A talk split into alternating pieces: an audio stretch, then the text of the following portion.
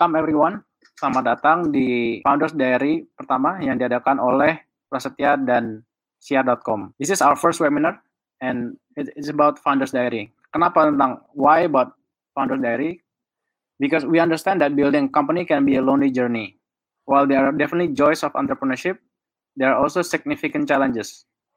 In our The Founders Diary series, we ask founders about what their days look like and reflect on what they discover during the process. Jadi lebih ke arah apa sih masalah-masalah yang di, dialami oleh para founder ini dan key takeaways yang mereka temukan dalam proses membangun sebuah startup itu sendiri. Hari ini saya ditemani oleh saudara kembar saya, Ardi Stirama, yang akan juga menjadi moderator pada hari ini.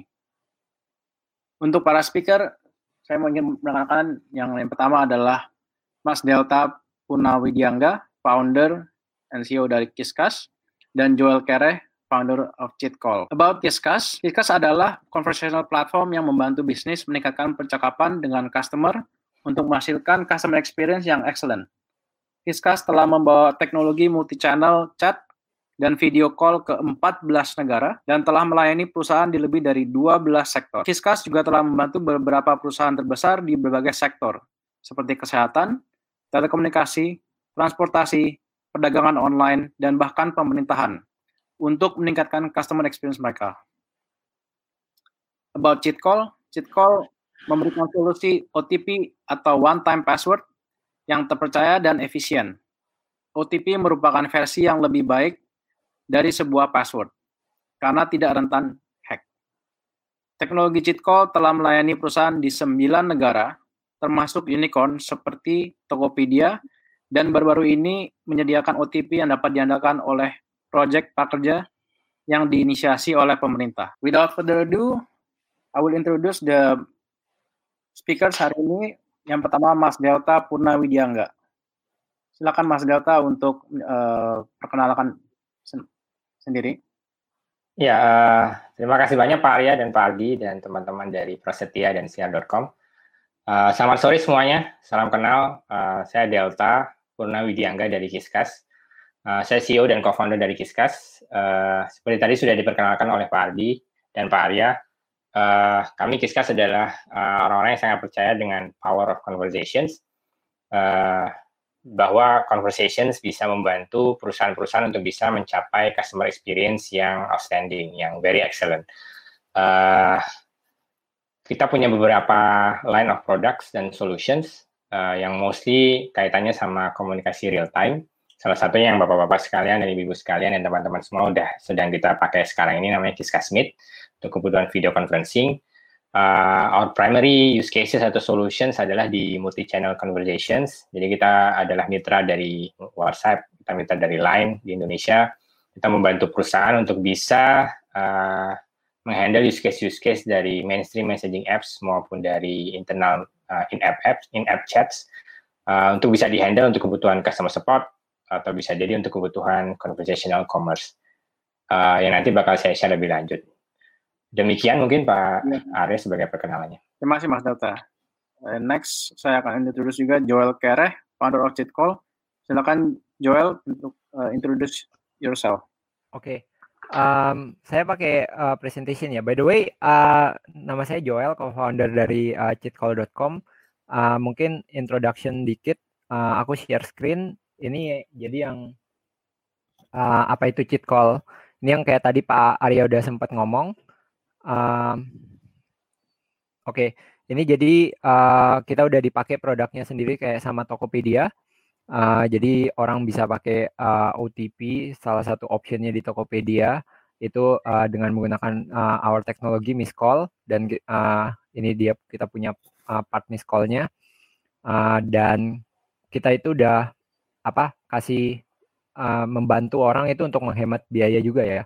Jadi uh, ini part di mana kita punya new teknologi auto verified di Android. Jadi user itu udah nggak perlu pakai uh, eh, SMS atau apa semuanya udah bisa di autofill secara langsung. Kemudian uh, ini ada beberapa uh, short kita punya benefitnya apa.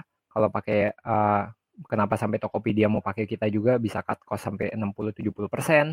Uh, reliability-nya juga jauh lebih baik, uh, user friendly juga dan kita sih so far udah dipakai di kayak tadi Pak Arya bilang di banyak negara juga ya dan banyak klien juga yang uh, udah pakai dan di Indonesia especially kita kan sekarang udah ada uh, uh, patennya juga. Jadi apa ya uh, kita uh, Sol lah yang bisa uh, provide this teknologi gitu. So I think uh, itu aja sih palingan dari uh, kita dan uh, apa ya kita salah satu dari Prasetya juga yang disupport sama Prasetya. Oke. Okay. Oke. Okay. Thank you. Thank you Joel. Oke. Okay. So without further ado let's start the, with the questions. The first questions. What do you do internally to improve transparency, engagement, and moral of the company? Uh, apa yang yang kalian sebagai founders ini lakukan untuk improve transparansi ya, sebagai lebih transparansi kepada karyawan, engagement dengan karyawan dan juga boost moral para karyawan ini terutama di masa Covid ini di mana kita semua mengalami kesulitan dalam menjalankan bisnis. Oke, bisa siapa duluan? Mungkin Mas Saya dulu mungkin ya. Ya. Mungkin nanti pertanyaan kedua biar Joel gitu gantian. ya, jadi mungkin uh, saya coba jawab tadi pertanyaannya kaitannya sama uh, how to uh, ini ya maintain teams uh, how to increase transparency, engagement dan team moral gitu dalam kondisi pandemi seperti sekarang. Mungkin sebelum saya jawab, saya pengen ngasih konteks dulu sebenarnya tentang Kiskas. Kayak di, uh, tim Kiskas itu ada sekitar uh, 55 orang sekarang. Jadi dan kita tersebar di beberapa tempat di Indonesia, mostly ada di Yogyakarta.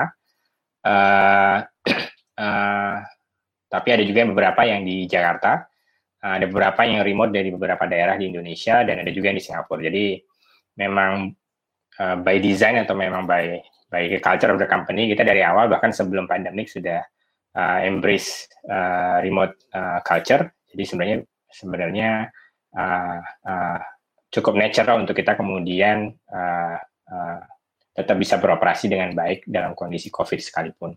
Uh, pertanyaannya menurut saya sangat menarik tadi kaitannya sama transparency, engagement, dan uh, moral.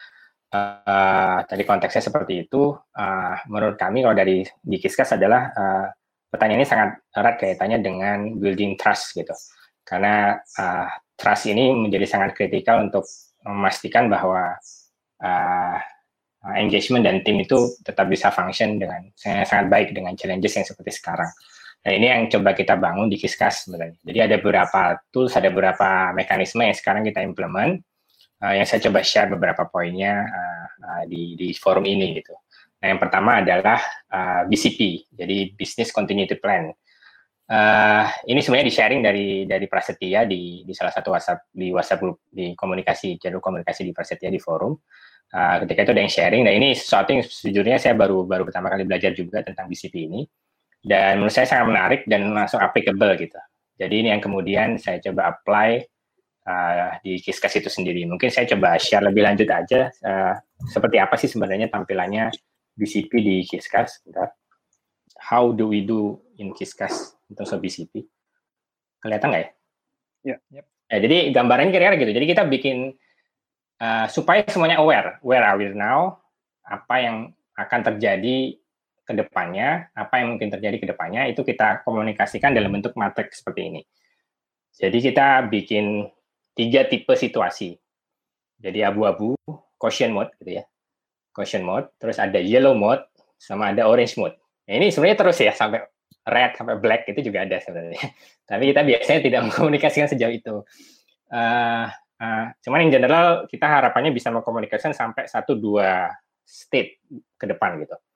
Nah ke bawahnya adalah jadi matrix di uh, x-axisnya adalah uh, detail-detail yang akan kita lakukan mulai dari trigger apa yang bikin kita caution, apa yang bikin kita yellow, apa yang bikin kita orange, sampai detail-detail kaitannya impact ke uh, uh, company operation, impact ke expense company, impact ke payroll, uh, founders maupun tim, itu kita jelaskan di situ to a certain extent ke teman-teman semua di di tim gitu.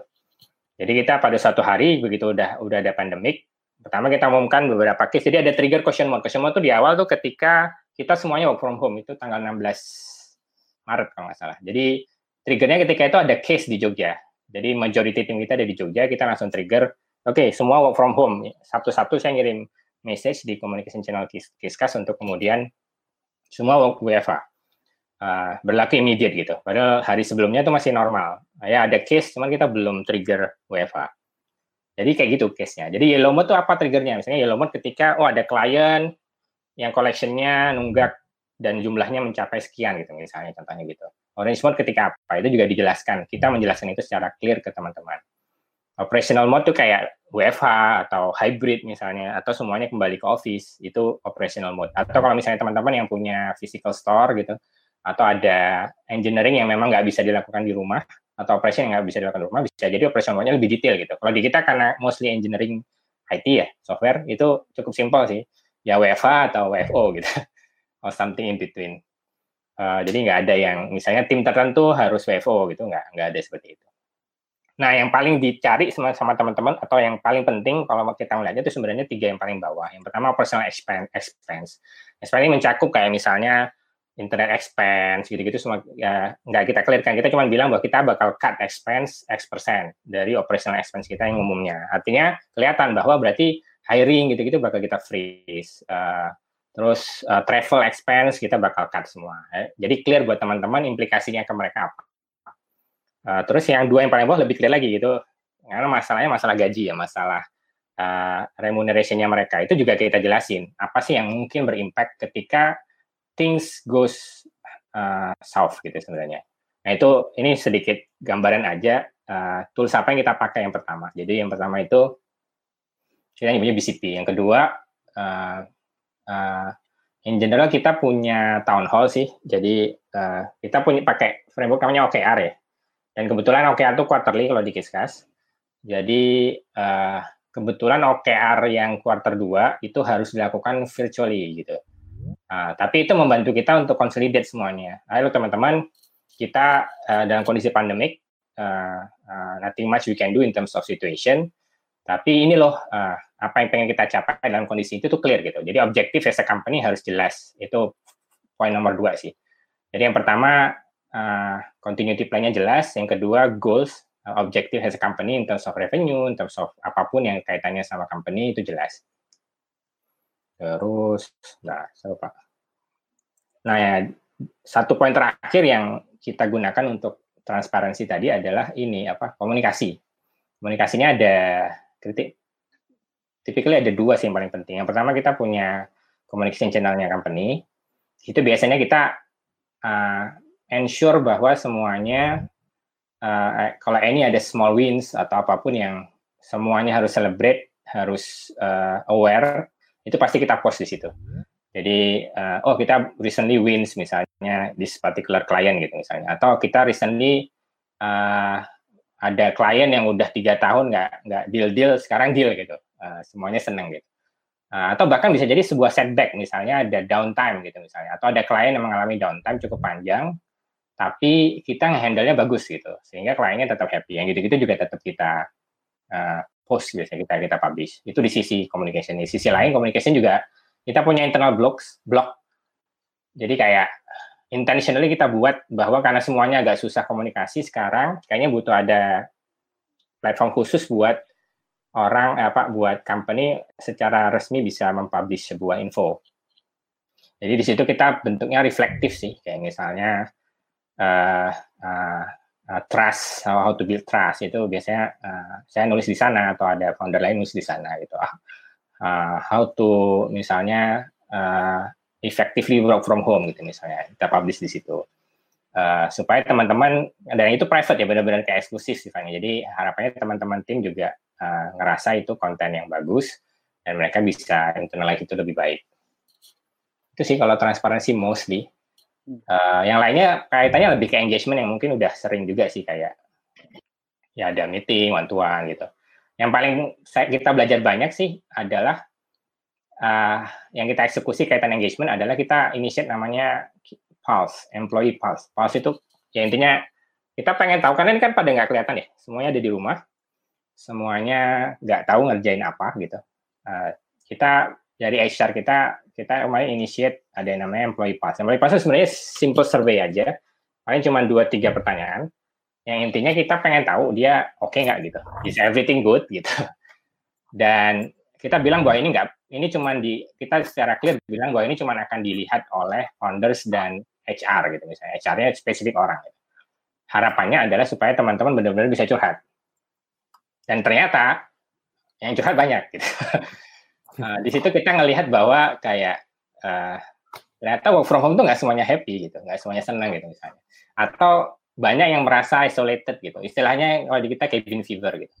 Jadi dem, ngerasa terisolasi, merasa kurang motivasi, padahal dia di rumah gitu. Padahal sama keluarganya juga gitu. Tapi dia merasa mungkin tipikal orangnya extrovert, jadi senang banget kalau misalnya bisa ketemu orang.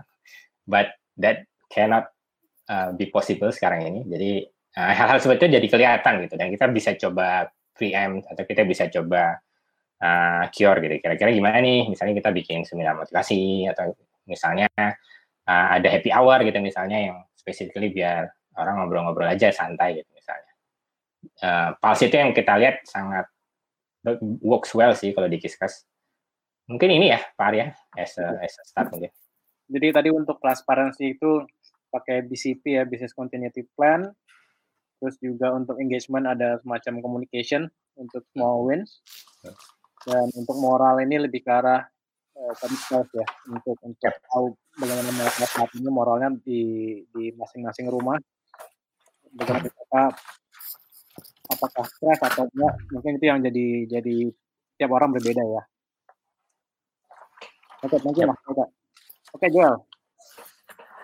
Oke. Okay. Kalau di kita uh, yep. kalau di kita gimana? Oke. Okay. Uh, kalau mungkin background dikit, kalau kita timnya belum sebanyak dari uh, Mas Delta ya, kita less than 10 people. Masih jadi uh, pretty much mungkin dari segi uh, what I agree sih maksudnya communication is important gitu. That's uh, apa untuk masalah transparansi dan lain-lain itu kan uh, pentingnya masalahnya yang di uh, communicationnya itu. Cuman uh, kenapa lebih gampang di kita karena obviously kita lebih dikit orang gitu. Jadi kayak um, apa personally gue uh, pas lagi kondisi kayak gini ya maksudnya trying to reach everyone lah gitu.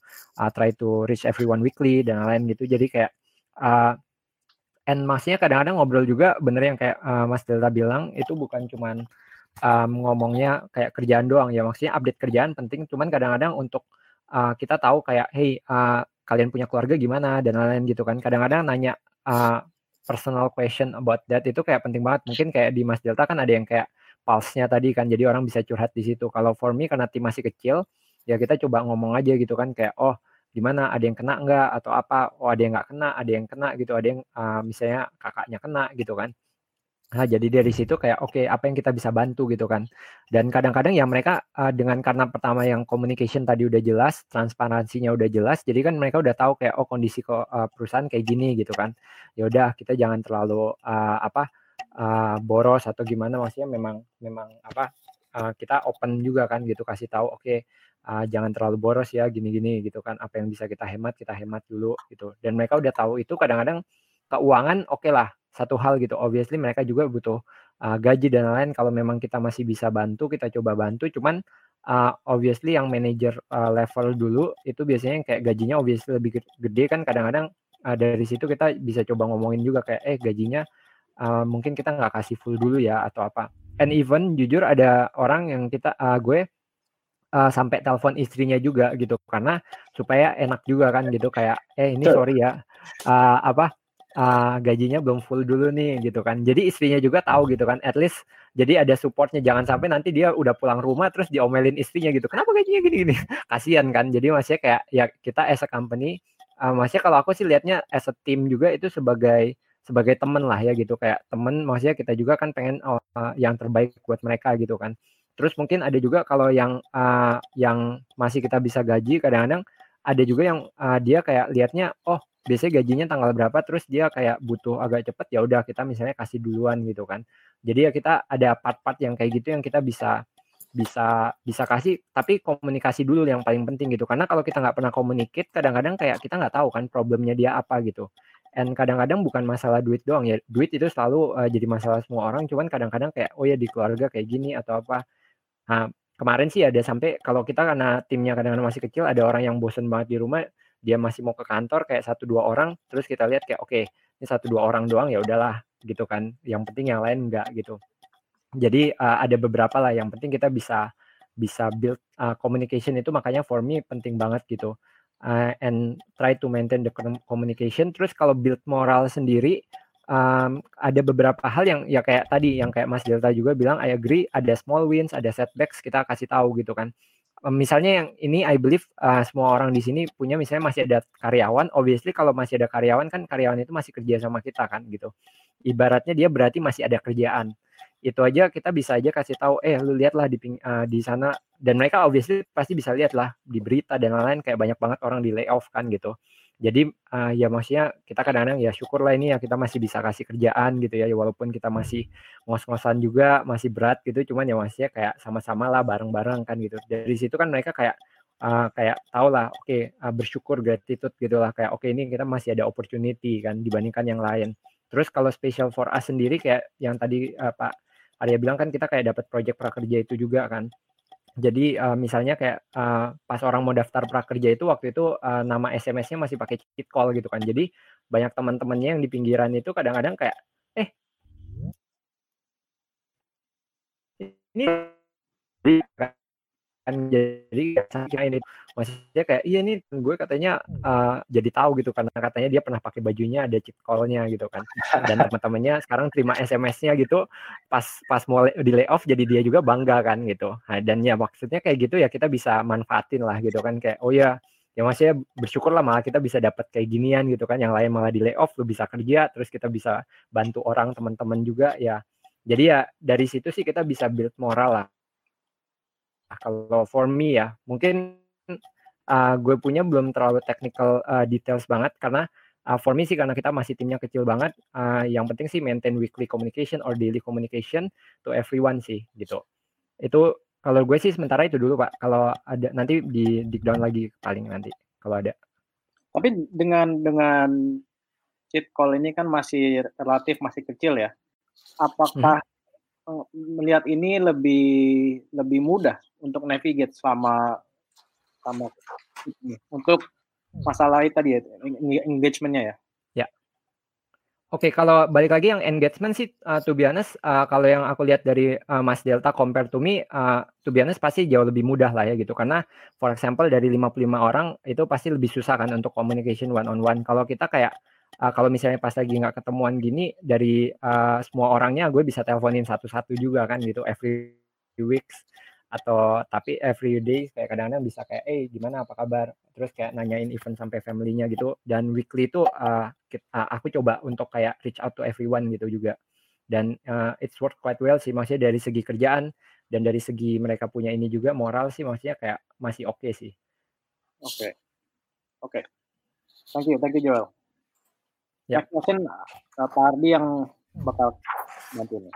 Oke, okay, uh, untuk nomor dua pertanyaannya adalah what do you do externally to stay relevant with the new normal? Jadi uh, apa yang kalian lakukan ya uh, eksternal secara eksternal uh, untuk tetap relevan dengan kondisi yang sekarang ya dengan ada new normal mungkin entah mungkin uh, membuat produk baru atau apa uh, mungkin dari uh, jual dulu. ya, yes. Sudah janjian sama dulu. Oke, okay. kalau um, apa normal masih ya, maksudnya pasti uh, obviously banyak hal misalnya uh, ke externally engage ke customer kan, ke klien itu pasti beda. Biasanya dulu ketemuan, terus sekarang masihnya eh Pak Zoom call atau apa. Tapi be honest for me, kalau dari segi engagement karena mungkin semua orang work uh, from home, uh, maksudnya it's a good time sih for everyone to kayak reach out to people gitu kan. Karena uh, banyak orang yang mungkin kayak jadi lebih uh, lebih luang waktunya. Mungkin uh, awal-awal sih banyak yang lebih sibuk gitu kan. Tapi uh, along the way sini udah 2 3 bulan sih banyak kan yang lebih free gitu kan. Jadi kayak when I reach out orang biasanya lebih available. Dan maksudnya it's a good time untuk kita bisa bisa meet up gitu. Dan lebih nggak ribet juga kan lebih banyak orang yang bisa kita meet up. Itu uh, pertama sih. Jadi dari strategi kita malah bisa manfaatin untuk bisa uh, connected to people gitu easier gitu lewat LinkedIn atau apa kadang-kadang uh, kita do call uh, message saja itu lebih gampang gitu untuk dapat janjian sama orang gitu kan. Jadi udah karena udah nggak perlu ketemuan lagi. Terus dari segi product wise sendiri um, apa kita untuk uh, staying relevant product wise sih sebenarnya kita nggak terlalu banyak perubahan. Uh, memang ya kita masih development seperti biasa, cuman mungkin lebih ke marketing promotionnya itu kita kayak uh, kita sih pertamanya ngomong nanya dulu kayak what happened to their, their company? kan gitu. Jadi kayak kita lihat uh, uh, klien-klien kita dari segi atau uh, perusahaan-perusahaan di industri kita itu kayak gimana baru kita coba uh, kayak offering eh kayak guys uh, gue bantuin kalian aja deh gitu. Maksudnya kalau gue sih jujur uh, memang purely empatik ke mereka kayak oh mereka lagi susah kan gitu. Ada yang bilang kayak even uh, apa oh ya ini kondisinya lagi susah banget costnya mesti ditekan dan lain-lain. Jadi ya uh, gue juga uh, purely kayak oh yaudah nih gue bantuin dulu aja gitu sampai nanti keadaannya pulih.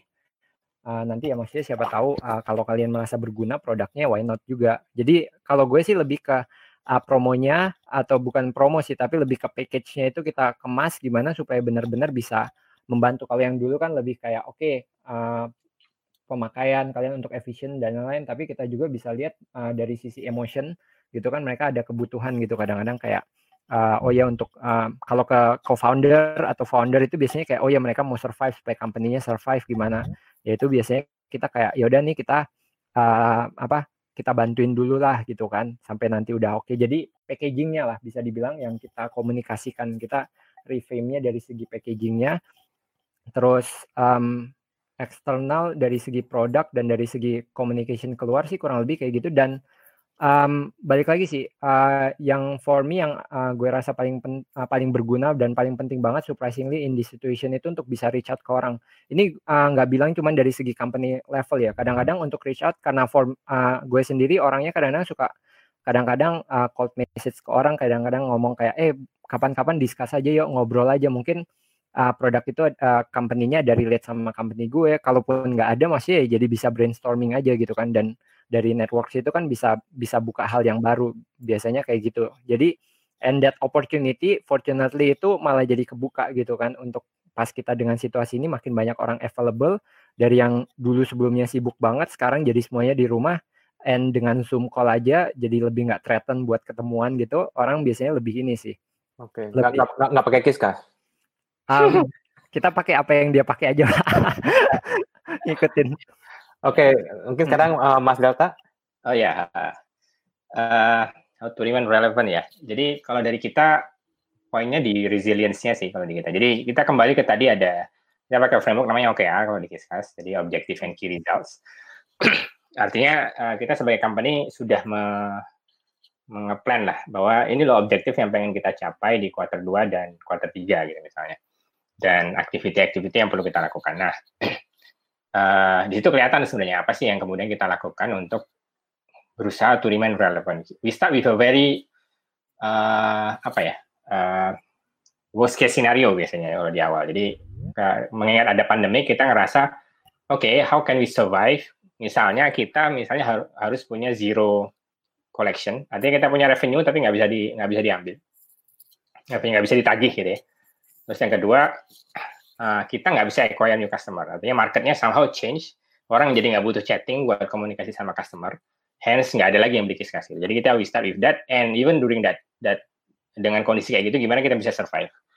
Uh, dari situ uh, jadi kita utamanya ada dua sih yang kemarin jadi prioritas ketika kita ngomongin objektif among among several other things ya. Yang pertama itu adalah retention.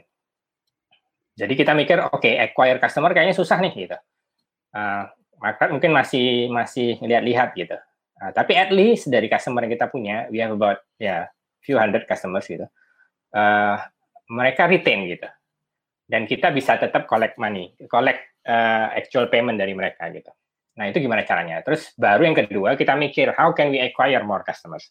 Dari situ yang kemudian kita coba drill sih dari kita ada ada semacam sesi buat kita analyze sebenarnya dari dari existing customer kita. Sebenarnya mereka verticalsnya kayak gimana, industrinya. Uh, terus dari use case-nya seperti apa. Jadi dua hal ini yang kita coba analisa dan kita kemudian lihat use case usage mereka setelah pandemik ada gitu. Uh, dan fortunately, uh, Kiskas itu uh, yang horizontally, uh, sorry, Kiskas itu sebenarnya produk yang agak horizontal sifatnya. Jadi kita bisa enable banyak banget industri. Jadi kelihatan banget sebenarnya dari data kita bahwa oh ada loh industri yang memang heavily impacted. Jadi benar-benar usage mereka drop. Uh, dan for some cases bahkan mereka memang langsung kontak kita, sorry kita pengen negotiate terms of payment. But on the other hand, uh, ada juga bisnis-bisnis yang justru growing, like huge growing. Saya yakin di di di call juga mirip kayaknya. Jadi ada beberapa case industri yang kayak bisa 5 6 kali lebih gede trafficnya atau usage-nya dibandingkan sebelum pandemi gitu sebenarnya. Uh, nah ini yang kemudian kita coba analisa lebih lanjut sebenarnya apa sih yang bisa kita replicate dari sini gitu. Jadi artinya strategi kita untuk retain dan collect maupun strategi strategi kita untuk acquire itu jadi beda. That's how we try to remain relevant. Dari retention gitu sebenarnya kalau memang dia pandemic situation kita expect itu sebagai dia likely bakal churn atau at least dia change their terms. Atau eh, the best case scenario kalau misalnya enterprise tertentu kita bakal discuss sama mereka how to change their business model sebenarnya to remain relevant. Uh, jadi misalnya kita punya klien di transportation industry, wah itu uh, heavily impacted. Uh, uh, uh, tapi dalam diskusinya dan mereka juga sangat agile sebagai organisasi uh, di taksi ya. Jadi uh, jadi yang tadinya mereka pakai kis, Kiskas untuk ordering taksi dari messaging. Uh, Nah sekarang orang nggak ada yang pakai, nggak jarang banget yang apalagi di awal pandemi ya drop apa ordering taksi, nyari taksi itu turun gitu sebenarnya. Mereka kita bantu mereka untuk ke, kemudian coba shift taksi itu dipakai untuk uh, uh, ordering, uh, ordering bukan bukan untuk ngantar barang gitu, untuk ngantar barang dan order makanan atau brand lainnya gitu sebenarnya. Menurut saya itu menarik ya. Uh, uh, jadi the best case scenario sebenarnya heavily industry yang apa impact industri yang bisa heavily impacted tuh mungkin mereka bisa transform dan harapannya kita bisa membantu itu. Itu that's how we retain them and still collect payment of course. Uh, nah di sisi yang industri yang justru grow-nya kencang gitu. Nah itu yang kita double down sih. Artinya double down tuh benar-benar kita coba shape some offering yang itu spesifik ke uh, yang mungkin works buat industri ini use case-nya dan itu kita coba tag gitu sebenarnya. Jadi uh, uh, itu yang dan ternyata pattern yang paling umum yang kita lihat itu adalah di commerce sebenarnya conversational commerce jadi pakai messaging pakai WhatsApp pakai Line atau pakai apps-nya mereka untuk dia chatting langsung jualan gitu dan ini ternyata kalau kita coba kita coba jadi kita coba luncurin uh, paket uh, conversational commerce-nya Kiskas dan ternyata uh, yang butuh ini itu nggak cuma existing customer yang memang dia udah jualan, jadi dia retain dan dia bakal grow a lot. Ini juga ter, juga membantu di strategi akuisisi kita. Jadi kita benar-benar nyari customer yang seperti itu. Dan ternyata bukan cuma customer yang tadinya uh, apa ya, udah jualan online via some digital means gitu, terus pindah ke chat. Tapi justru yang banyak justru orang yang tadinya physically constrained. Misalnya dia tadinya di restoran gitu. Restoran terus dia harus berubah nih karena orang nggak ada yang datang ke restoran. Nah, dia harus cari cara supaya bisa jualan via digital and the best way atau the easiest way sebenarnya kan tinggal cari nomor WhatsApp terus bisa jualan via WhatsApp gitu. Iklan via Facebook atau Instagram. Nah, this is the specific use case yang sekarang kita attack. Jadi uh, kita sekarang lagi coba introduce satu uh, ini ya mungkin sekalian saya kenalin saya share Wih, ada di mana nih? Oh ya, jadi kita lagi coba introduce namanya paket di rumah aja kalau di Kiskas. Artinya gimana kak eh, klien-klien dengan industri tertentu, khususnya kayak fashion, retail, uh, consumer goods kadang atau food yang sekarang mereka agak bergeser ke arah package food atau drinks yang sekarang geser agak ke package drinks gitu misalnya. Itu tetap tetap bisa jualan dengan uh, efektif. Jadi kita uh, intinya ya ini offeringnya Kiskas sekarang. Jadi untuk beberapa Ya, ini jadi ujung tombak acquisition sekarang sih. Jadi banyak banget yang ternyata memang butuh uh, industrinya impacted, tapi mereka intinya tetap pengen uh, jualan dengan caranya sendiri. Nah ini kita coba fasilitasi dengan chat. Jadi chat datang dari mana aja kita fasilitasi untuk uh, order. Uh, saya ada demo sedikit sih mungkin sekalian. Uh, saya masih kelihatan ya? Masih masih. Uh, mungkin nggak terlalu lama sih. Ini sekedar ini aja, sekedar. Masih, Tuh, gak lama tadi.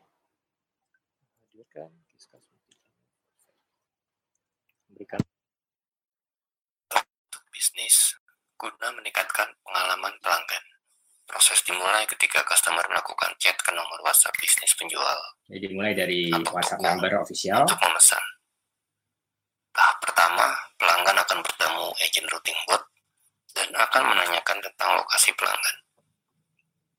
untuk memastikan pelanggan mendapat layanan sesuai dengan fasilitas pada lokasi yang dipilih. Jadi bisa di routing berdasarkan lokasi dapat dilakukan dengan Atau brand misalnya. lokasi atau menggunakan fitur sharing location pada WhatsApp sudah mobile. diassign ke agentnya, agentnya kemudian tinggal Kita dapat mengkategori Jualan, agent gampang. berdasarkan lokasi atau brand atau departemen. dipilih ke mana, agent assignment, tersambung, agent bisa menyapa pelanggan dengan template yang sudah di-set sebelumnya. Pelanggan berkonsultasi dengan agent yang menanganinya untuk menemukan produk yang akan dipesan. Agent dapat menggunakan chat template saya pakai chat untuk template, mempercepat respon. prosesnya, lebih produktif. Jerat-jerat begitu ini nanti ujungnya adalah ordering. Jadi Pelanggan diminta oleh agent kita diminta order. untuk mengisi format pesanan Step-step selanjutnya eh, biasanya tergantung sama brandnya. Eh, semoga agak kebayang ya. Jadi, eh, jadi tadi gambaran ringkas apa yang sek- sekarang sedang kita offer to remain relevant di, di konteks COVID ini. Jadi kita ngebantu di conversational commerce.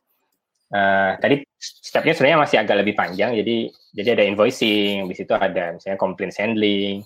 Eh, jadi kita targetnya brands sih mostly. Jadi brands yang mulai dari brands gede-gede yang memang ada brands yang sekarang sedang onboarding yang dia sangat impacted, dia di beauty industry sangat impacted, dia punya stall itu apa shop itu di banyak mall di Indonesia dan itu karena dia beauty industry dia punya beauty advisors.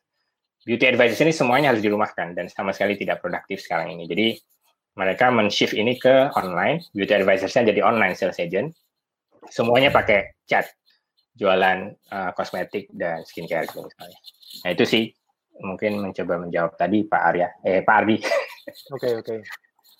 Oke, eh, next mungkin dari question dari apa namanya dari pertanyaan dari peserta ya. Eh, dimulai sama jual dulu mungkin ya. Apakah di kemudian hari setelah pandemi selesai, Kiskas dan Call tetap mem- memberlakukan work from home untuk divisi yang terbukti bisa bekerja secara efektif bekerja dari rumah selama pandemi dengan tujuan mengurangi, mengurangi OPEX seperti rental dan lain-lain. Mungkin dari jual dulu. Kalau dari aku sih uh, considering sih, karena masih kayak ada beberapa part yang nggak terlalu perlu.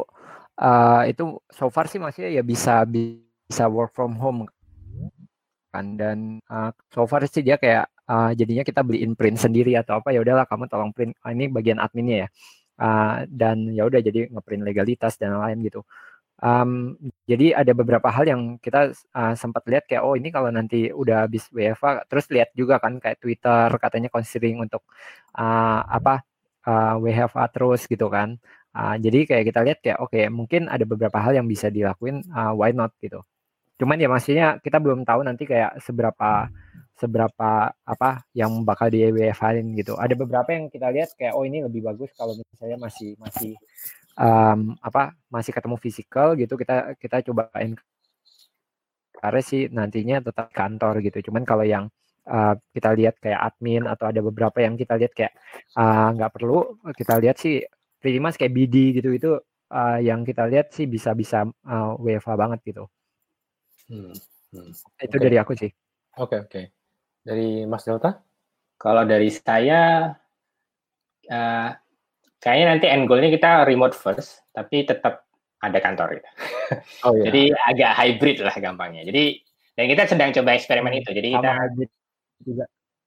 Ah, betul. Jadi kita sedang eksperimen itu sekarang. Jadi WFA kita extend nih sampai akhir quarter, bahkan mungkin until end of next quarter, atau bahkan until end of the year. Uh, cuman kita sekarang sedang eksperimen uh, gimana caranya gampangnya gini goalnya adalah gimana caranya jadi kantor jadi second best place to work. Kalau memang butuh kerja dari kantor gitu. Karena kenyataannya sepertinya entah itu nature orang Indonesia atau memang tim Kiska specifically uh, kayaknya naturally memang tetap butuh kantor gitu. Uh, uh, jadi kita ngerasa kita uh, butuh akomodir ini tapi sepertinya kondisi bahwa kita bisa drastically reduce cost kayaknya tetap valid karena ada banyak hal yang bisa kita reduce gitu in terms of misalnya cleaning, in terms of ya macam-macam lah katanya sama kantor gitu. Uh, jadi gitu sih mungkin Pak Jonathan tadi ya pertanyaannya siap. Gitu Pak Adi. Oke okay, oke. Okay. Uh, dari Pak Arya mungkin. Oke, okay. uh, yang ada pertanyaan juga dari Pak Jonathan juga. Pak Delta, boleh elaborate perbandingan Kiskas Meet versus Zoom? Oke, okay. Cool. Uh, Oke, okay, how to answer this sebentar. Jadi gini ya. uh, uh, Oke, okay. sejujurnya uh, kita sekarang sedang uh, ini bentuk oh ya ini data yang kita try to remain relevant. Tadi kalau ada satu komponen yang tetap grow a lot dan tetap dicari di kondisi pandemik itu adalah conversational commerce ya, chat commerce. Yang kedua yang jelas growing-nya a lot itu adalah video conferencing. Uh, saya yakin semuanya rely on video conferencing to ensure the business moving kan ya. Nah, uh, dan itu is a huge industry dan Zoom is huge gitu ya. Uh, cuman kita melihat Kiska sebenarnya udah dari dulu menyediakan yang namanya video conferencing SDK. Uh, artinya kita membantu enterprises yang butuh uh, fungsional video calling uh, untuk kebutuhan aplikasinya. Contohnya kita misalnya membantu di salah satu institusi government yang mereka butuh command center.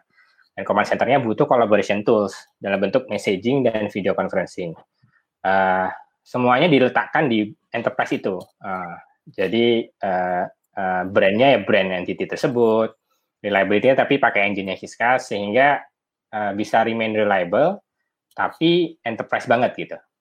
Terus ada juga case yang memang totally bukan video conferencing sebenarnya. Jadi kayak misalnya kita ada klien yang di gaming industry, dia pengen bikin, kalau familiar sama gaming, mungkin kenal sama Discord. Nah, ini pengen bikin Discord, tapi versi Indonesia. Nah, itu salah satu critical pointnya Discord itu adalah uh, voice channel namanya. Artinya dia ada channel yang kebuka terus, yang bisa ngobrol. Nah itu juga kita kita uh, sold our product Kiskas Meet ini ke mereka sebagai solusi gitu, bahwa mereka bisa build solution on top of Kiskas Meet that meet their exact requirement gitu, better than Zoom. Itu kayaknya uh, for now best answer sih Pak Jonathan. In the future sih sebenarnya kita reviewing beberapa model untuk Kiskas Meet supaya benar-benar uh, value propositionnya lebih clear as a video conferencing itself gitu. Uh, ya coming soon deh kalau soal itu. gitu kali ya Pak Arya. Oke okay, oke. Okay. Nah ini sambil nunggu pertanyaan ada pertanyaan lain nggak ya dari ini? Oh ada dari guys nih. Um, halo Pak Joel, boleh share bagaimana proses perusahaan Bapak bisa mendapatkan paten dan regional alliance? Dan apa peran investor dalam proses tersebut? Oke, um, apa kalau dari uh, proses paten sih sebenarnya proses standar ya Pak. Jadi, jadi kayak kita uh, pakai uh, paten uh, lawyer paten gitu, pengacara paten. Terus habis itu untuk um, apa uh, ya dibikinin jadi kayak waktu itu draft patennya. Dan maksudnya kan mesti dilihat dari kebaharuannya biasanya kalau paten itu oh ini teknologinya apa yang diimprove dari teknologi sebelumnya. Itu jadi kalau nanti ngurusin paten sih biasanya itu yang selalu ditanyain terus. Terus dari kebaruannya itu uh, kalau memang terbukti ada baru uh, bisa diproses. Dan prosesnya sih waktu itu sekitar satu setengah tahun sampai dua tahun gitu dan uh, kalau dari investor wise sih waktu itu uh, apa uh, ngebantu ya maksudnya kayak um, jujur waktu itu dari segi apa network juga sih itu ngebantu sih. Karena uh, jadi bisa nanya-nanya ke orang yang udah pernah ngurus paten juga kan gitu. Jadi um, apa kita bisa dapat network terus nanya ke orang eh ini paten gimana? gitu. Dan waktu itu memang ngebantu malah mempercepat proses kita juga gitu. Jadi karena dapat uh, kenalan orang yang tepat juga jadi bisa um, prosesnya itu dibantu dipercepat juga um, kalau paten sih yang paling penting sih kebaruannya. Terus habis itu kalau memang uh, bisa dapat pengacara paten yang bagus, uh, di make sure karena banyak sekarang pengacara paten itu tra uh, trademark itu kan banyak merek dan lain-lain itu sebenarnya standar gitu. Cuman kalau uh, kita kan paten teknologi kan, which is itu lebih lebih in depth lah gitu. Jadi kadang-kadang uh, banyak orang yang walaupun tahu branding, cara trademark dan lain-lain itu uh, paten merek itu belum tentu bisa ngerti soal paten teknologi. Jadi itu mesti di diperhatikan juga gitu jangan sampai jangan sampai uh, salah karena kita pernah sebelumnya itu dapat paten uh, orangnya ngerti yang paten branding gitu tapi untuk ngurusin yang teknologi agak kurang oke okay, gitu jadi akhirnya prosesnya lama terus ada beberapa kan itu kayak surat menyuratnya sama nanti departemen hukum dan ham itu uh, eh departemen uh, teknologi eh something lah dirjen paten itu pokoknya. Itu kan uh, di apa ada surat yang mesti dibalikin lagi ada yang mereka bakal tanyain lagi itu kalau dia nggak ngerti agak-agak susah gitu. Karena prosesnya cukup berbeda sama paten teknologi. Gitu. Itu sih kalau soal paten ya palingan. Oke okay, oke okay, thank you. Ini ada ada yang apa ingin bicara? Erwin Subroto bisa dikasih ya, apa? chat atau? Bisa langsung ini aja. Unmute aja kan unmute sendiri bisa. Oh ini tadi uh, sorry yang tadi ada pertanyaan yang regional clients. Nggak tahu sih ini mungkin Delta juga bisa jawab sih. Kayak oh, ya. gimana caranya dapetin regional clients. Kalau for me sih uh, dari uh, word of mouth ya. Dari kenalan ke kenalan terus ada orang yang kebetulan dia punya base-nya di luar negeri. Dan kalau SEO juga ngebantu sih sama Google Ads gitu. It's for me ya kalau regional ya. Nggak tahu kalau Delta juga kan udah di beberapa negara mungkin bisa ngejawab juga itu. Oh oke. Okay. Maksudnya klien di luar Indonesia ya berarti ya? Iya.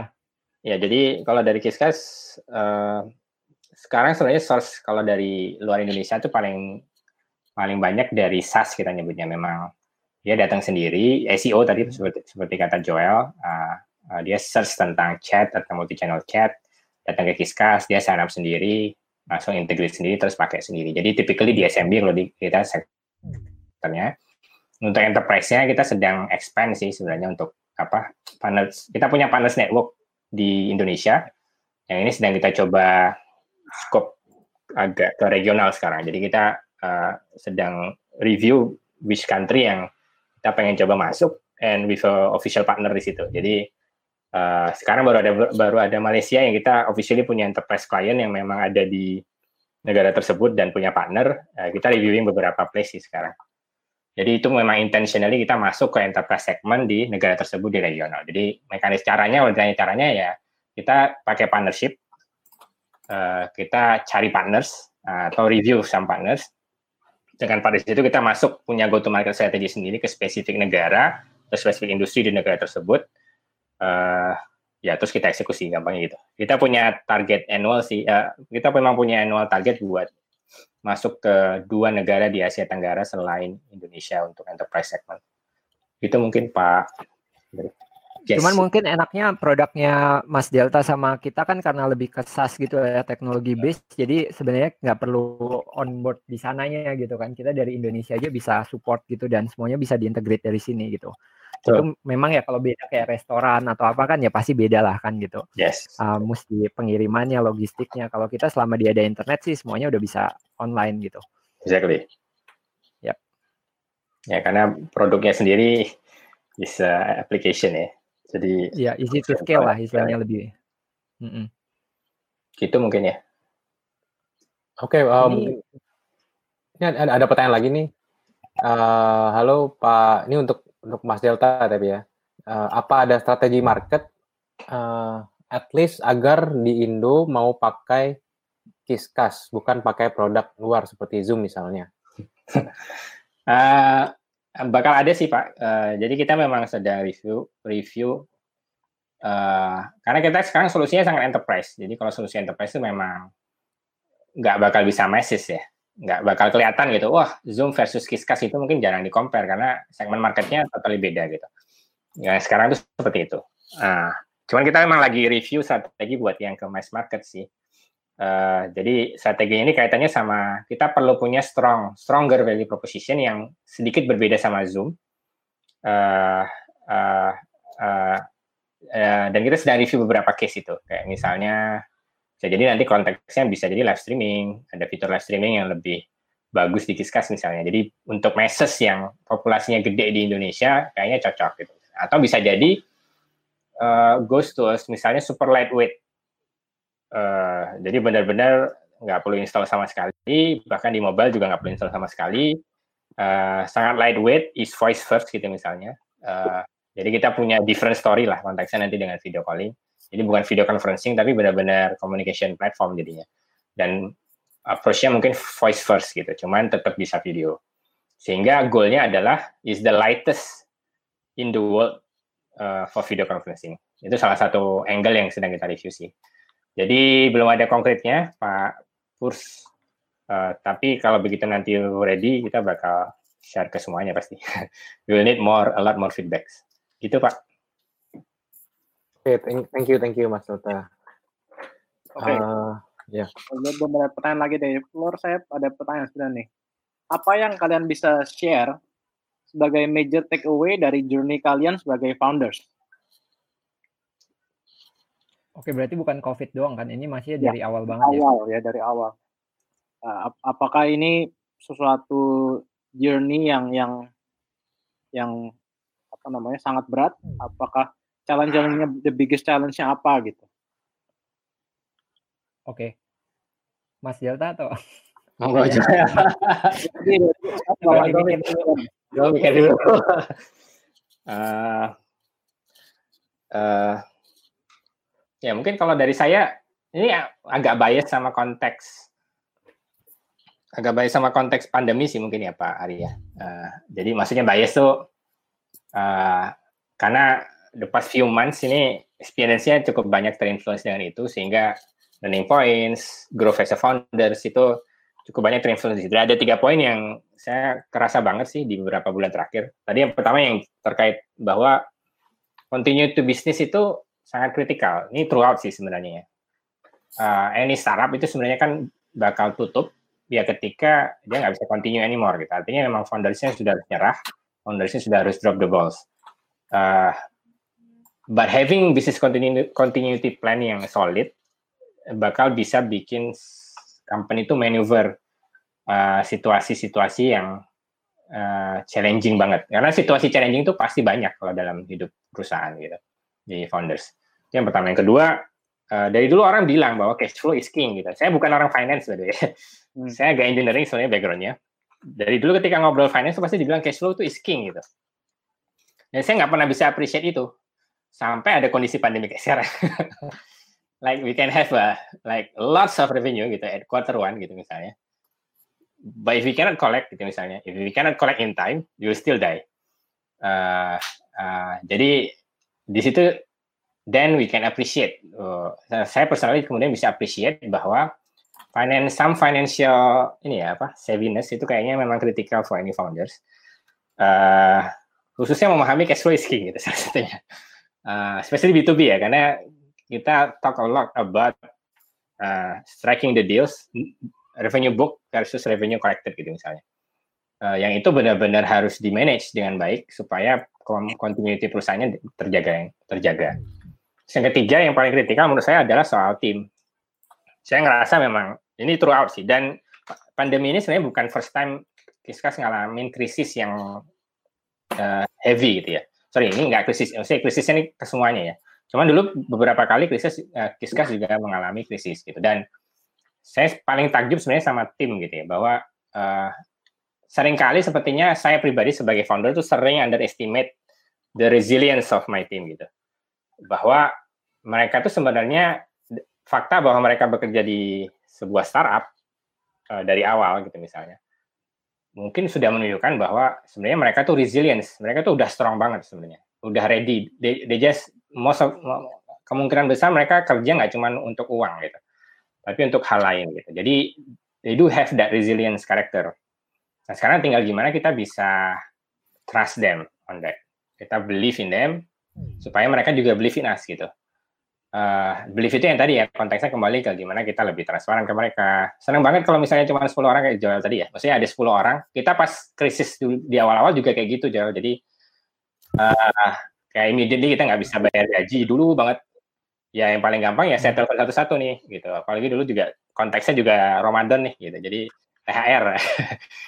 saya telepon satu-satu gitu dan ke kelihatan dengan responnya mereka bahwa mereka resilience gitu. Even now dalam kondisi pandemik resilience. Ketika kita share our BCP that some of it might impact them in the future, uh, kebanyakan dari mereka aset uh, sangat appreciate bahwa kita transparan dan quite numbers of them sebenarnya ada beberapa dari mereka yang justru uh, habis meeting gitu ya, habis meeting japri saya atau japri ke founder lainnya. Mas ada yang bisa saya bantu nggak gitu?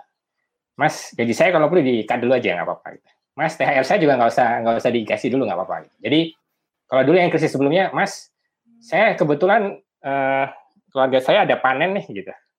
Saya di satu sisi saya nggak usah digaji, yang kedua kalau butuh saya bisa bantu teman yang lain gitu. Wah, that's surprising gitu. Buat saya pribadi kayak ternyata tim kita bisa jadi kita underestimate their resilience.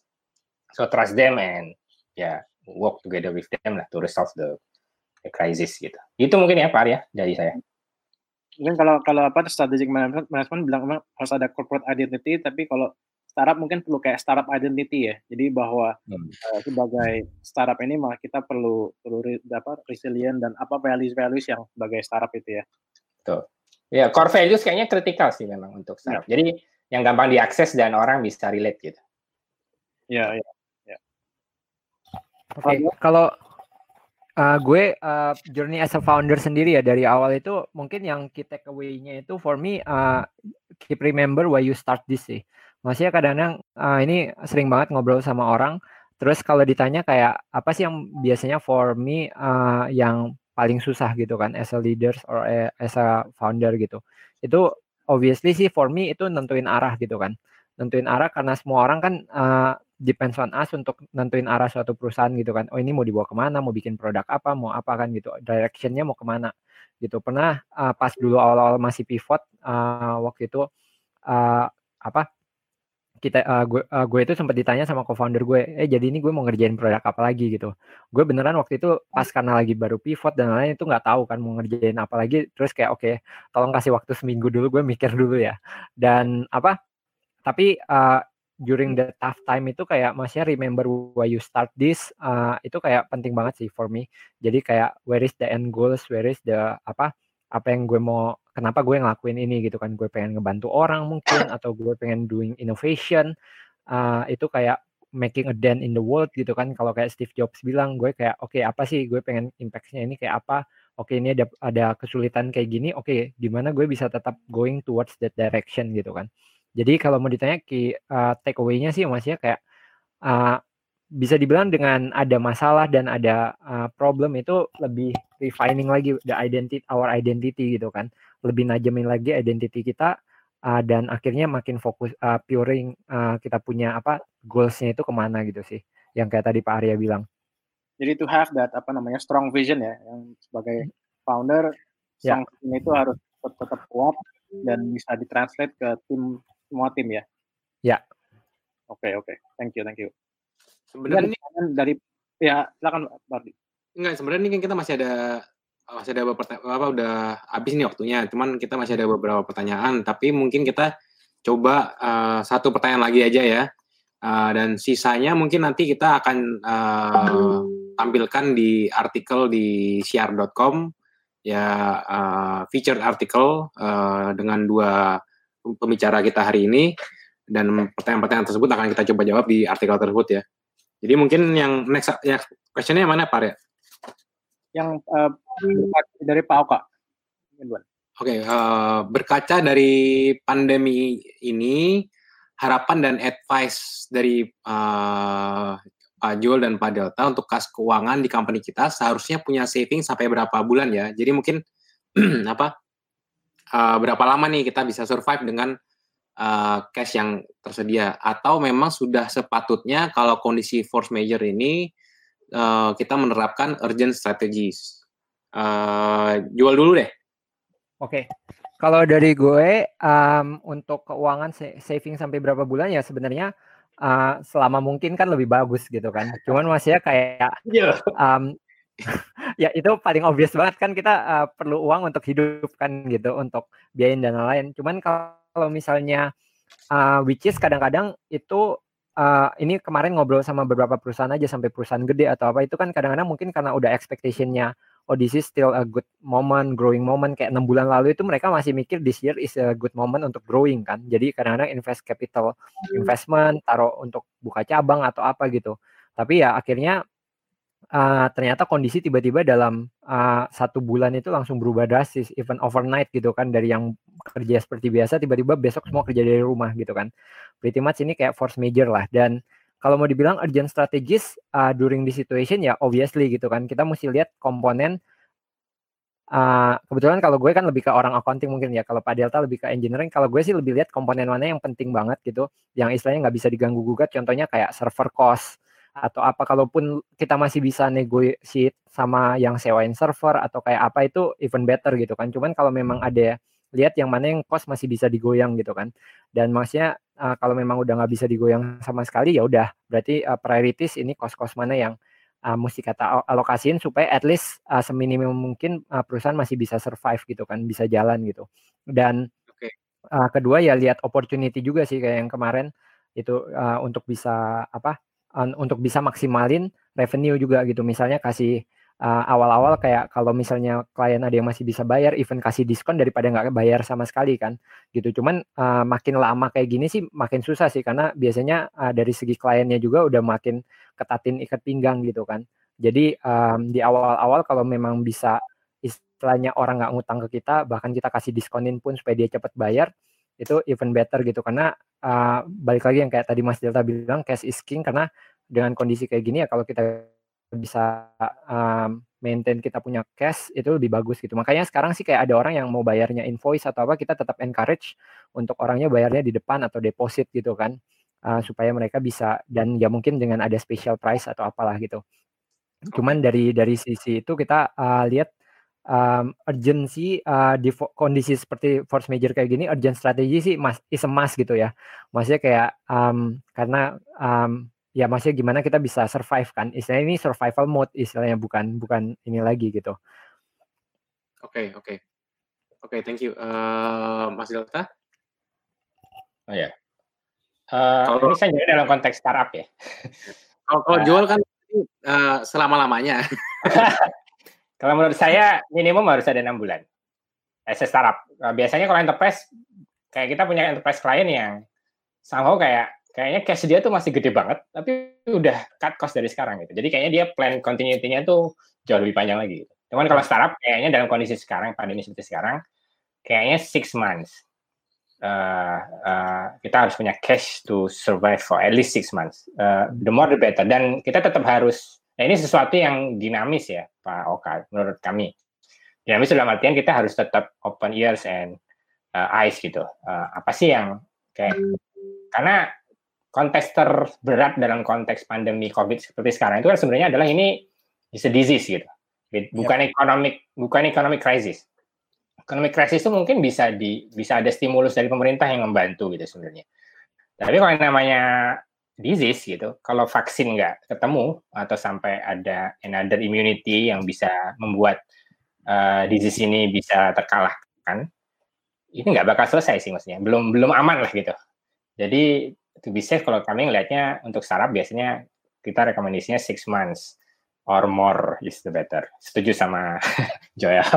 Uh, jadi strategi menurut saya any any case gitu. Kalau misalnya pun cuman oh aku cuma punya less than six months gitu misalnya atau uh, aku punya uh, masih dua tahun nih baru fundraise 18 bulan masih full gitu sebenarnya.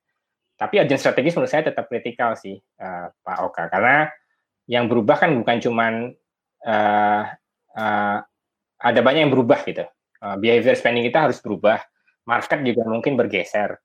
Uh, khawatirnya, uh, bukan khawatirnya, ketika kita tidak menerapkan strategi khusus, uh, bisa jadi di satu sisi ada ada ada cost yang uh, jadinya harus keluar padahal tidak perlu, atau sebaliknya ada opportunity yang sebenarnya bisa kita capture, tapi jadi nggak bisa digrab gitu karena kita nggak aware uh, strategi apa nih yang spesifikly kita siapkan dalam kondisi seperti ini. Gitu mungkin Pak Oka dan Pak Ardi. Mungkin kalau saya tambahin sedikit, ada juga beberapa startup yang melakukan bahwa apabila kliennya belum bisa bayar, nggak apa-apa, paymentnya di defer, tapi part of the negotiation-nya itu adalah mereka minta perpanjangan kontrak untuk next year-nya. Wah, mumpung ya Pak.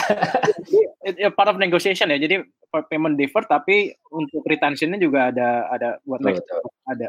That's a good idea. Itu bisa yang yang yang dipakai untuk beberapa startup yang uh, masalah dan dari payment ya. Oke, last question yang kita akan jawab dari untuk cheat call dan kiskas jadi untuk dodonya. Nomor satu, apa kompetitor global yang paling influential? Apakah mereka dilihat sebagai potential acquirer atau benchmark? Dan nomor dua, bagaimana situasi fundraising untuk SaaS B2B startup di Indonesia saat ini? Ini saya dulu. Ya. Uh, kompetitor global banyak, Pak. uh, cuman yang paling kita consider paling match itu uh, namanya Sandbird kalau di Kiskas. Sandbird ya. Hmm. Uh, jadi use case-nya cukup mirip. Cuman yang lain biasanya uh, kalau kita karena enterprise sebenarnya jarang ketemu sebenarnya sama Sandbox. Cuma in terms of solusi yang paling dekat sebenarnya mereka. Kalau enterprise malah ketemunya yang lebih gede-gede lagi kayak Genesis gitu, gitu atau mungkin Zendesk atau Freshworks. Uh, karena untuk spesifik use case kita agak beririsan atau agak competing sama Zendesk atau Freshworks. Nah itu kalau kisah. Dan apakah dia sebagai potential acquirer atau benchmark? Yes, correct. Jadi both. Jadi mostly benchmark sih. Uh, uh, acquirer ya kita open aja. Artinya maksudnya uh, uh, lebih ke kita melihat bahwa kita punya modes, we have our own modes, uh, apa uh, uh, USP kita sendiri bahwa kita punya uniqueness kita sendiri yang mereka juga tidak punya gitu. Uh, apakah itu menjadikan kita jadi potential acquisition? It's up to them gitu. Jadi kita nggak ngelihat. Tapi secara benchmark kita melihat kita sangat sering banget kita nge-benchmark ourselves with them. Uh, dia world class company, it's our dream to be a world class company from Indonesia. Jadi kita banyak banget yang benchmark sama mereka. Oh, dokumentasi mereka bagus banget. Kita harus lebih bagus gitu oh support mereka jelek nih kayaknya nih, kita bisa lebih bagus nih karena di Indonesia gitu. Uh, hal seperti itu kita sering sih uh, uh, apa benchmark ourselves to them. Yang kedua, situasi fundraising uh, ini menarik Pak Arya kayaknya paling bisa jawab. Cuman kalau dari kita, uh, we are lagi fundraising sebenarnya kalau kita sekarang. Cuman kondisi kita memang nggak uh, urgent sih. Uh, uh, kita kita angle-nya ada kita we are profitable company yang we are still even growing even during pandemic. Jadi nggak rushing di situ. Karena kita ngelihat di di uh, divisi juga banyak wait, wait and see ya. Artinya ini siapa nih yang survive ya dia nih gitu. Atau siapa nih yang benar-benar tetap perform well even dalam kondisi krisis gitu. Jadi uh, saya ngelihat ya, kami ngelihatnya itu masih wait and see. Jadi kita nggak rushing dari sisi fundraising. Jadi mungkin nggak bisa ngasih picture yang lebih jelas. Cuman uh, internally we ourselves not like we are racing tapi dalam kondisi uh, apa ya uh, very long cycle gitu targetnya ya ya mungkin within this year if we can fundraise we will raise gitu tapi fokusnya tetap about the goal of the the goals is really about the the the performance of the company, the growth-nya company gitu, in terms of revenue, in terms of number of clients, and so on. Itu Pak Kev. Mantap. Oke, okay, thank you. Kalau gue paling cepat aja, uh, kalau kompetitor global sih ada kayak Twilio, Nexmo, or atau, atau ya itu, uh, tapi SMS provider lah ya bisa dibilang atau kayak Okta dari identity management gitu kan. Jadi kita ada lihat ada beberapa angle yang kita bisa lihat ini. Kalau dibilang kayak potential acquire kayak Delta bilang ya maksudnya kita uh, lihat aja kan ini maksudnya uh, belum di posisi yang uh, kita rasa untuk di akuisisi juga gitu. Tapi kalau dilihat dari benchmark obviously kalau kemarin kayak uh, gue nonton filmnya si Last Dance-nya uh, Michael Jordan, uh, oh. gue suka di mana dia kompetitif banget, di mana anything dijadiin competition kan, gitu. Maksudnya kayak ya maksudnya with compete to be better gitu in a way. Dan maksudnya kalau kita bisa lihat kayak Delta bilang, oh ininya lebih bagus, oke kenapa kita nggak bisa sebagus itu dari hal ini?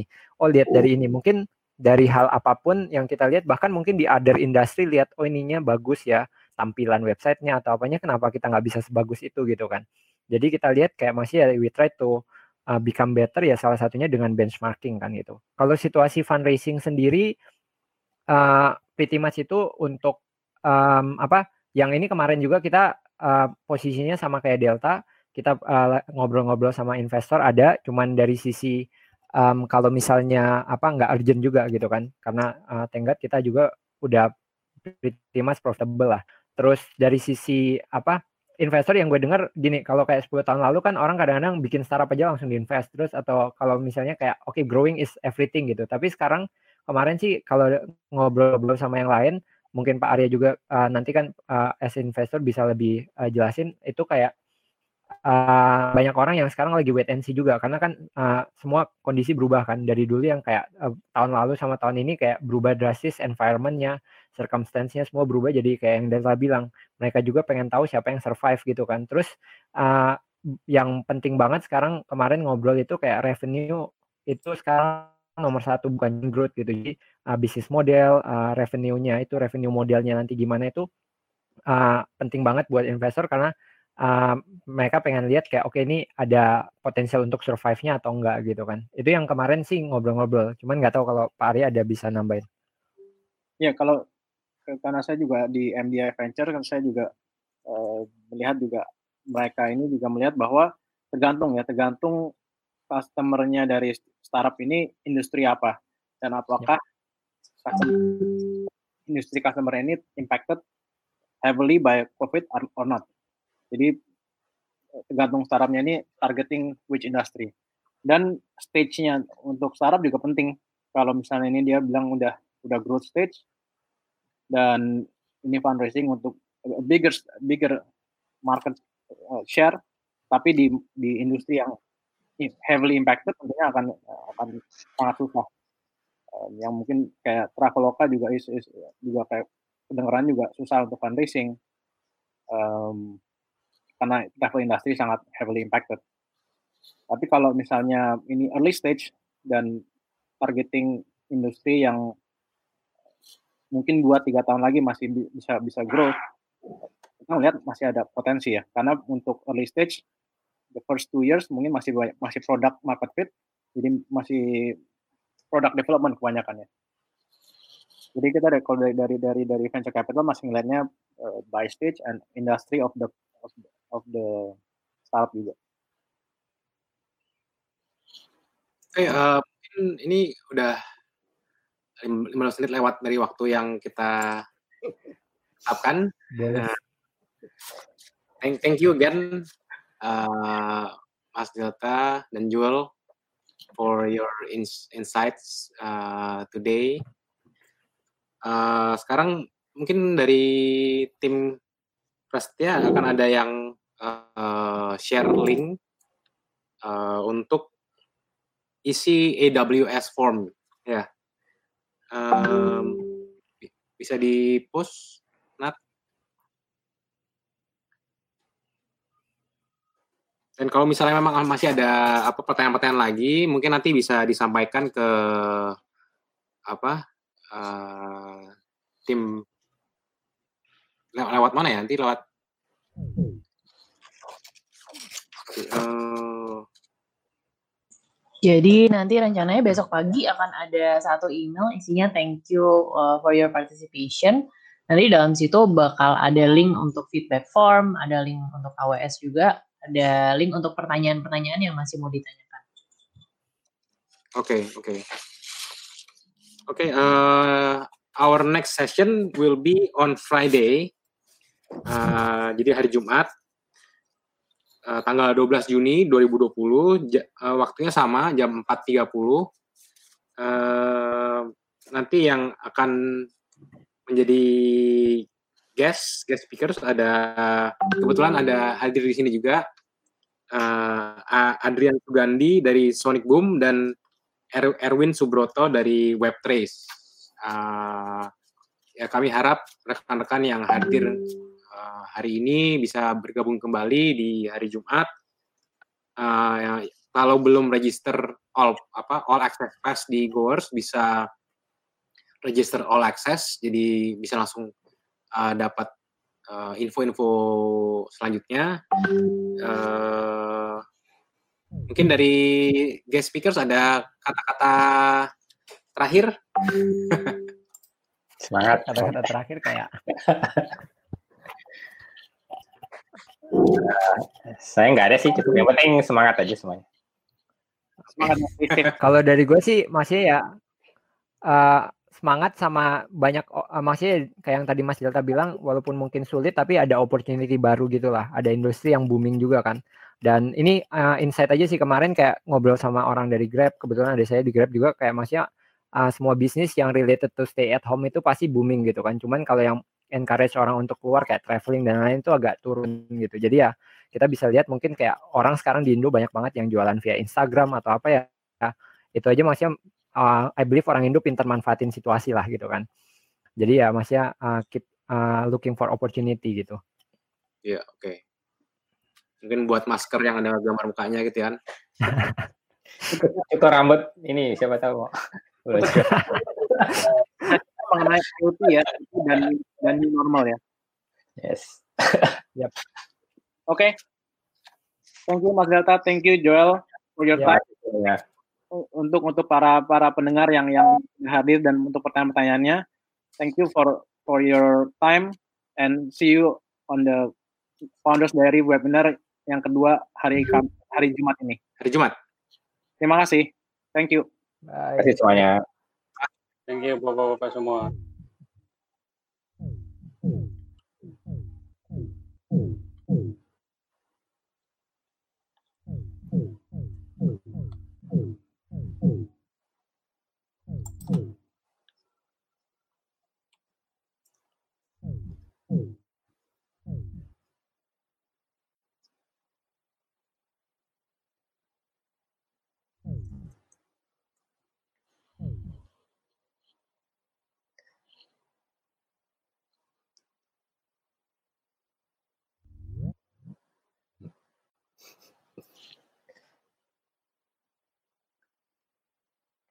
Oke, cabut ya.